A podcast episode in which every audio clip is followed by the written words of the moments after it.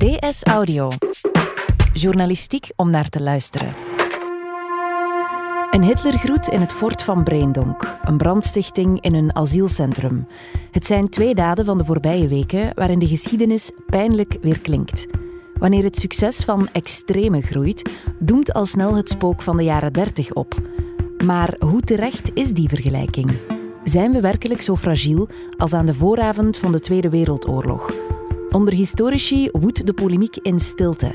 Mark Reinebo heeft het er hardop over in deze opiniepodcast, naar aanleiding van een column die hij eerder schreef. Het is vrijdag 6 december. Ik ben Nele Eekhout en van op de redactie van De Standaard is dit DS Audio.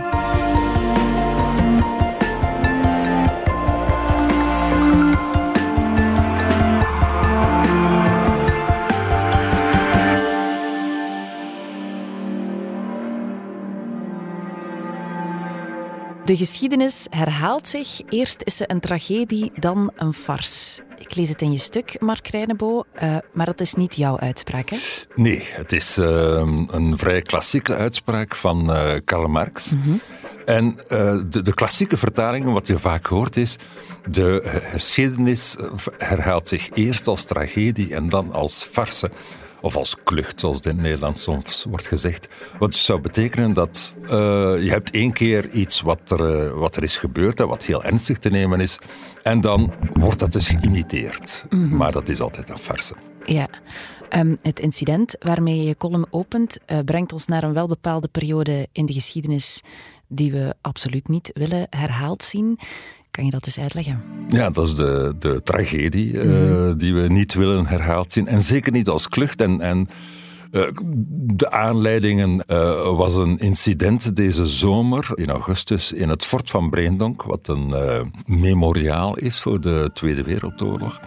En waar iemand het nodig heeft gevonden om um, de Hitlergroet te brengen. Mm -hmm. uh, iemand die ja, een soort provocatie wil voeren, dan vraag je je af wat bezielt zo iemand om dat te doen.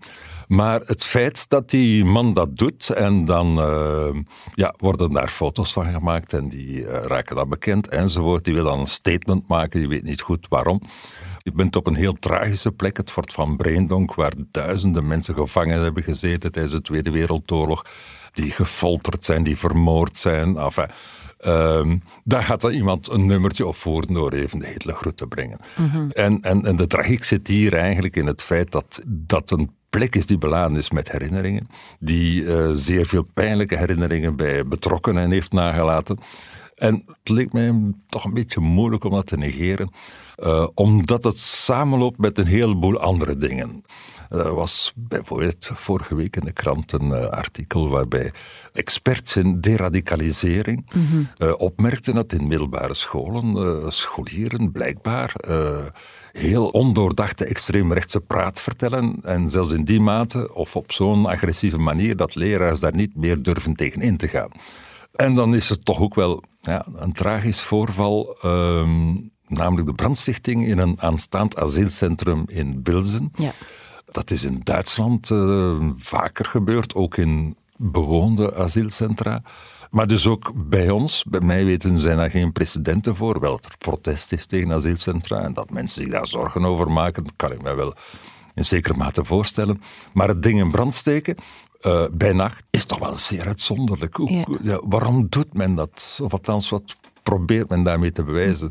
En dat zijn allemaal factoren waarbij dat je ziet dat we niet alleen een, een, we moeten rekening houden met een terreur van uh, jihadistische kant, mm -hmm. maar dat er ook een, een, vorm is van gewelddadigheid uh, aan de andere kant, aan de extreemrechtse kant, waarbij je toch ziet dat een aantal groepen en mensen zich manifesteren die erop uit zijn om politiek geweld te gebruiken, die blijk geven van extreme intolerantie mm -hmm. en die en daar ligt dan precies ook die, die, die link naar, naar die jaren dertig, die um, er niet voor terugschrikken om plekken die een zeker heilig karakter hebben, of althans waar zware emoties aan verbonden zijn, die ook met de holocaust verbonden zijn, um, dat men daar precies die betekenis wil weghalen. Ja. En vandaar dat ik mij dan de vraag heb gesteld, en dat is geen nieuwe vraag ver van, ja, zou er een, een, een gelijkenis zijn tussen onze tijd en de jaren dertig? Ja. En dat is geen onschuldige vraag in die zin, omdat wij nu het vervolg van de jaren dertig kennen, namelijk de jaren veertig en de Tweede Wereldoorlog. Terwijl we van onze tijd uiteraard niet het vervolg kennen. Ja. ja, het zijn dit soort incidenten en tendensen eh, waardoor mensen de uitspraak doen van het spook van de jaren dertig is terug. In welke mate is dat een dooddoener? Uh, dat is in zekere mate een dooddoener. Dat is zo hetzelfde. Iedereen die je niet bevalt een nazi noemen. Of Ja. een fascist. En je moet daarmee uitkijken. Uh, iedereen een nazi noemen, dat betekent als je een echte nazi zou tegenkomen op straat, dat je hem niet zal herkennen. Want je hebt al die pseudonazis die hem zullen verbergen in jouw perceptie. Dus vandaar ook dat hier weer het gezegde van Marx tot inspiratie kan leiden, namelijk dat de geschiedenis zich niet zomaar herhaalt. Ja. We gaan niet meer hetzelfde meemaken als uh, in de jaren dertig, dat is zeker. Ja, want als we het over de jaren dertig hebben, dan hebben we het over de periode voor de oorlog. Ja. Ja, waarin zien mensen dat spook?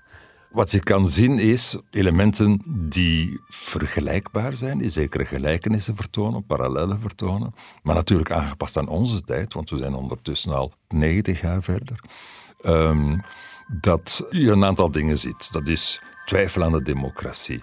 Mensen die uh, steeds meer buiten de democratie stappen, uh, democratisch overleg enzovoort. Uh, het, het gebruik van politiek geweld. Uh, vooroordelen waardoor mensen afgezonderd worden als een soort ongedierte dat moet uitgeroeid worden. Ja. Uh, intolerantie in de politieke ideeën, extreem nationalisme, enfin, dat soort dingen. En dat amalgaam. En we weten wat daar de uitkomst van geweest is. Dat is geëindigd in de Tweede Wereldoorlog, de dood van tientallen miljoenen mensen. Dus uh, is het de moeite om, denk ik ook, professionele historici, om zich daarover eens ja, mee bezig te houden.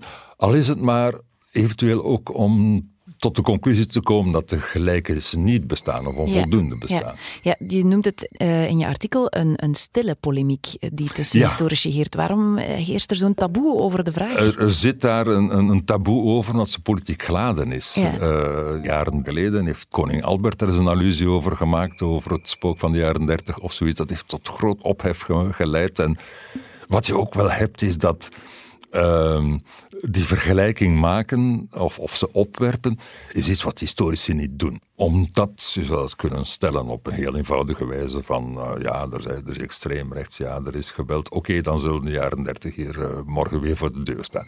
Zo werkt het natuurlijk niet. Maar als we zoveel gelijkenissen zien, zou het dan niet beter wel iets luider worden gevoerd? Uh, ik vind, ja, dat, het is zeker nuttig om dat te doen. En um, wat ik interessant vind is ja, afvragen of er ja, gelijkenissen zijn. Ja. En, en of de gelijkenissen die bepalend waren in de jaren dertig, en of, of de, de, wat daar determinerend is, of dat ook vandaag determinerend zou kunnen zijn. Ja. En in welke vorm zich dat afspeelt.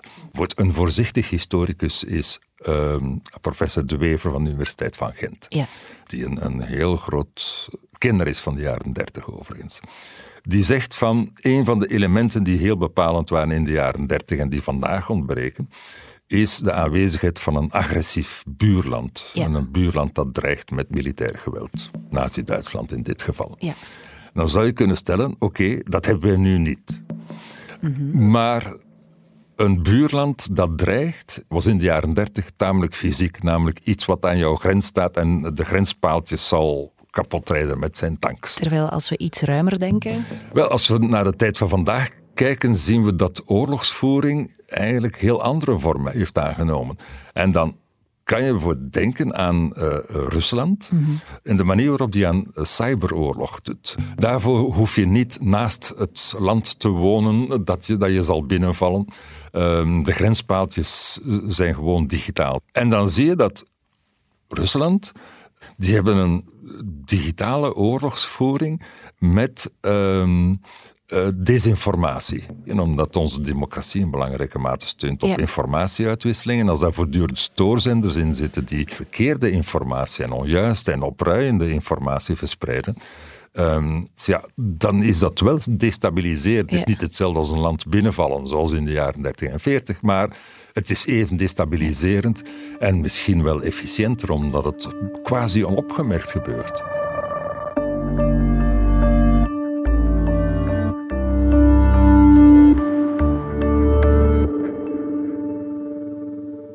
Dus in deze informatie zit er een grote fragiliteit uh, in onze tijd.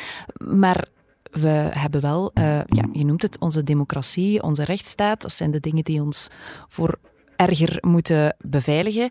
Dat zijn de ehm, grondvesten van onze samenleving. Ja, en jij noemt ook de sociale zekerheid. Ja, wel, dat is. Uh, ik, wat men altijd heeft gesteld, dat is uh, een constant in heel die discussie over de jaren dertig, is mhm. dat het grote verschil is de aanwezigheid van een welvaartsstaat en een sociale zekerheid. Dat gaat in belangrijke mate uit van de idee die tamelijk oud is dat is dat uh, het extremisme in de jaren 30, dat ook bij ons te zien was, en zowel aan de rechterkant als aan de linkerkant, dat dat het gevolg was van de economische crisis. Massale ontslagen, de economie uh, stuikt in elkaar vanaf 1929, de beurscrash in Wall Street. En wat er dan gebeurt is dat mensen geen inkomen meer hebben, omdat er geen sociale zekerheid is, of heel beperkt. Wie werkloos is, ja, die moet maar zijn plan trekken. De lonen stuiken in elkaar ook. Wie nog wel werk heeft, verdient amper nog iets. Enfin, dat soort uh, toestanden, waardoor mensen die getroffen worden door de crisis meteen uh, laten we zeggen, in een uh, toestand van miserie en wanhoop terechtkomen. En in die wanhoop dan, dat is de redenering, voor extreme partijen stemmen. Dat is toen ook op grote schaal gebeurd. En uh, de idee is, vandaag zitten we in een situatie dat wanneer je pakweg werkloos wordt, dat je niet meer meteen in de miserie terechtkomt. En dat je, enfin, dat, dat wel goed komt en je niet voor extreme partijen zal uh, stemmen. Nu, kan je wel afvragen, oké, uh, in, in de jaren dertig werkloos worden was geen pretje, want je had geen inkomen meer. Maar hebben wij nog altijd dezelfde reflex? Onze normen liggen waarschijnlijk veel hoger. Ja. Wij vinden uh, onze miserie alvast veel erger als in de jaren 30. In de zin van als wij, weet ik veel, 10% van ons inkomen verliezen, dan vinden wij dat, ja, dat is een vorm van deprivatie.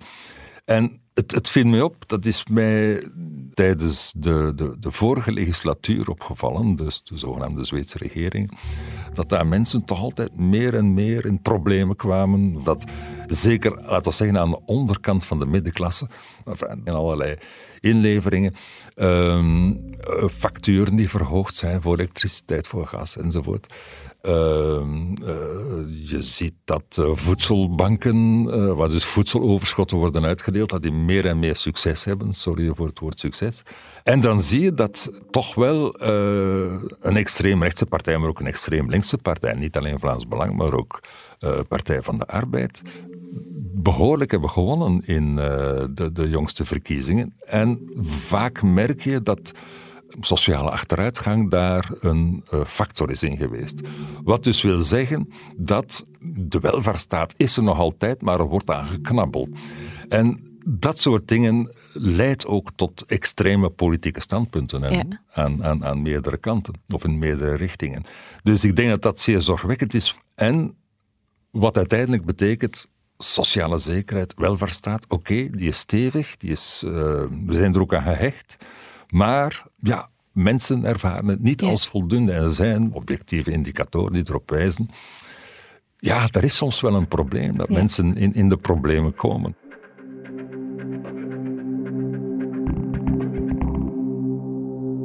Vandaag zie je bijvoorbeeld uh, over pensioenen. De grote meerderheid van de Belgen is tegen de verlenging van de pensioenleeftijd. Die is door de vorige regering op 67 jaar gebracht. En die verlenging van uh, de, de, de pensioenleeftijd, waarbij je zou kunnen denken, ja, er is wel iets voor te zeggen, gezien uh, vergrijzingen, weet ik veel wat nog allemaal, uh, is onverwacht aan de Belgen opgelegd. Mhm. Het stond in 2014 in geen enkel verkiezingsprogramma. Er is nooit campagne over gevoerd. Maar de nieuwe regering komt eraan, uh, Charles Michel. Uh, en ja, die, die zeggen: oké, pensioen op 67 jaar. Veel Belgen hadden toen de idee, en ook Vlamingen dus, van Ja, wij mogen zeggen wat wij willen. Zij, doen, zij leggen het ons op van buitenuit. En, onze mening is zelfs niet eens gevraagd geworden over iets wat toch wel cruciaal is. Mhm. Je noemt in dat opzicht ook uh, het afschaffen van de woonbonus. Dat vond ik wel opmerkelijk. Wel, de woonbonus is natuurlijk, eigenlijk is dat een onding. Het is goed dat dat afgeschaft wordt. Ja. Uh, maar dat is ook zoiets wat opgelegd is. Die mensen die daar wilden gebruik van maken, veel geld zal kosten.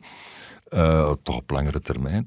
En ook dat, ik merk dat uh, bij mensen die, die niet echt kapitaalkrachtig zijn, die dan het gevoel hebben, ja, ons is niets gevraagd, dat wordt ons opgelegd, mm het wordt ons afgepakt. Zonder overleg, wat wij daar verder ook zouden mogen overdenken. En dus opnieuw heb je daar een soort ondergraven van de democratie. Uh, dat zo tussen de soep en de patat dan allerlei ingrijpende maatregelen worden eenzijdig opgelegd, zonder dat het wordt uitgelegd. Zonder, en dat is een algemeen probleem met, met de politiek, zonder dat de politiek leiderschap toont en, en op een eerlijke manier komt uitleggen waar ze mee bezig is en waarom ze doet wat ze doet. En dat, dat, maar het resultaat is wel opnieuw die twijfel aan de democratie. En het geloof in de democratie bij veel mensen is nog altijd groot. Mhm. Maar je merkt wel dat mensen het gevoel hebben van we worden niet gehoord, we worden niet begrepen, we worden niet om onze mening gevraagd. Het gebeurt allemaal over ons hoofd heen. En dat is nog zo'n factor die, wat mij betreft, vergelijkbaar is. Ik zeg niet dat het dezelfde is, maar vergelijkbaar is met het het afkalven van het geloof in de democratie in de jaren dertig. Ja. Uh, en waar het mee om gaat is niet zozeer dat identiek hetzelfde fenomeen zich voordoet, maar dat gelijkenissen merkbaar worden. Het is niet omdat er iemand uh, een, staat uh, de Hitlergroet te brengen in het fort van Breendonk dat morgen de holocaust gaat herbeginnen. Ja. Of dat uh, zigeuners gaan uitgeroeid worden. Dat is niet het punt. Maar wat je ziet is, vaak heel kleine dingen die noodzakelijke, maar niet voldoende voorwaarden zijn. Ja. Er gebeurt iets en dan kan je zeggen, oké, ja, dat is niet fijn, maar dan gebeurt er nog iets en dan nog iets en dan nog iets. En het, het, het punt is, het hoeft niet ergens naartoe te leiden, maar als een, bepaald moment kan een bepaalde drempel overschreden worden. Ja. En dat is, enfin, ik denk dat de beste omschrijving is die van de noodzakelijke en voldoende voorwaarden. Um, racisme is iets endemisch. Ik denk dat het ook heel diep in mensen zit om raciaal onderscheid te maken. Maar als je dat gaat institutionaliseren, of, of mensen gaat behandelen op grond van racistische of van raciale verschillen, dan moet je je zorgen beginnen te maken. Niet omdat de volgende stap Auschwitz is, maar omdat je wel die eerste stap moet zetten om in Auschwitz te geraken. Ja. Het hoeft niet, het kan, onthoud ik. Wat is dan de concreetste les waar we nu mee aan de slag kunnen? Wel, de, de, de concrete les is dat je moet waakzaam blijven. Je hebt uh, allerlei discussies over de rechtsstaat. Rechtsstaat is dat er regels zijn die voor iedereen gelden en die iedereen gelijk behandelen. En er zijn uh, instellingen die daarover waken politiek, van het parlement, regering, maar ook rechtbanken. Mhm. Ook media, dus ook onze taak vind ik in de media om, om daar uh, attent voor te zijn. En wat je dus ziet is dat uh, wanneer een rechter een uitspraak doet in een discussie, uh, en een klassieker is geweest de vele discussie in Groot-Brittannië over de Brexit wanneer daar een rechter, twee keer hebben rechters daar uitspraken over gedaan, meestal tegen de Brexiteers in, omdat die te snel wilden gaan, dan had je op de voorpagina van de populaire kranten de foto's van al die rechters die deze uitspraak hadden gedaan, met als kop verraders van het volk. Dat is een aanval op de rechtsstaat. Politiek heeft dat ook aangemoedigd, van politiek daar belang bij had. Je ziet dat ook bij ons, al die discussies over die activistische rechters, met name over linkse activistische rechters. Je kan dat niet doen. Rechters moeten de wet uitvoeren. Als je het er niet mee eens bent, teken beroep aan. Dat is de procedure, hmm. dat is de rechtsstaat. Zo werken wij. Niet met mensen politieke argumenten in de, in de schoenen te gaan schuiven en ze daardoor verdacht te maken en illegitiem. Hetzelfde wat je ook ziet tegenover journalisten. Hmm. Ehm, wij moeten daar tegen kunnen, maar het, het gebeurt. En, ook ja, in de Verenigde Staten.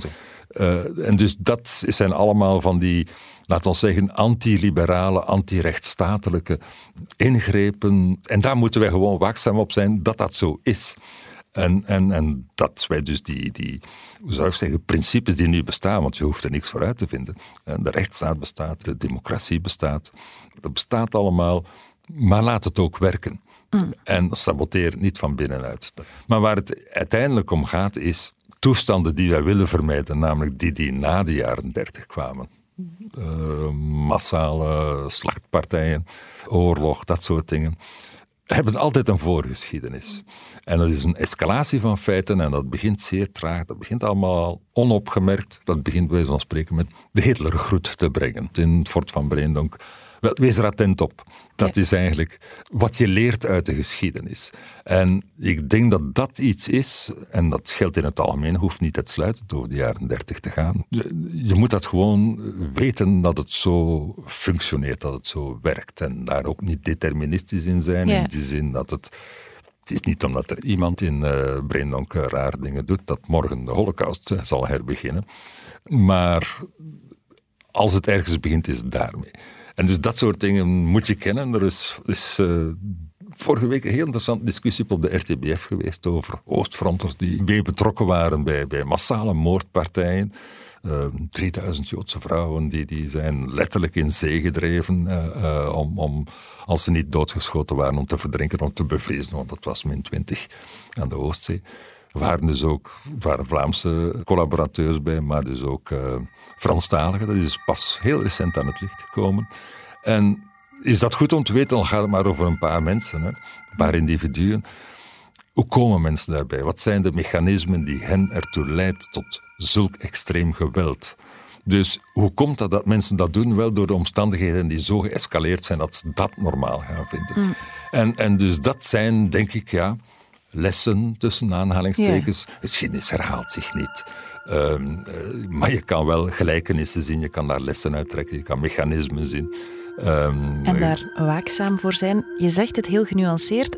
Hoe alarmerend wel, is het? Ik vind dat we iets te weinig waakzaam zijn. Ja.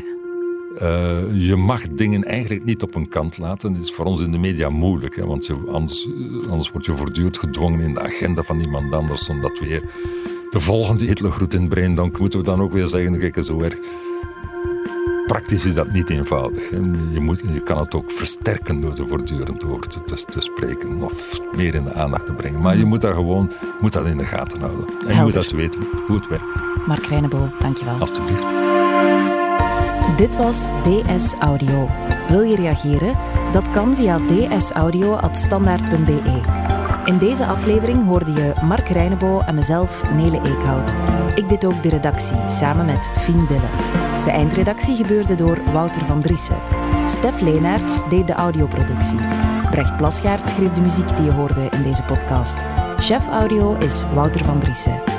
In de show notes van deze podcast vind je een link naar de column van Mark Reinebo over de jaren 30. Vond je de podcast interessant? Weet dan dat je er elke werkdag één kunt beluisteren. Dat kan via de DS Nieuws app of via standaard.be-audio. Je kunt je ook abonneren via iTunes, Spotify of de podcast-app van je keuze. En als je daar dan toch bent, schrijf gerust een review. Zo toon je ook anderen de weg. Ben je benieuwd naar een abonnement op onze krant? Surf dan zeker eens naar standaard.be-voordelig. Daar vind je onze aanbiedingen. Maandag zijn we er opnieuw.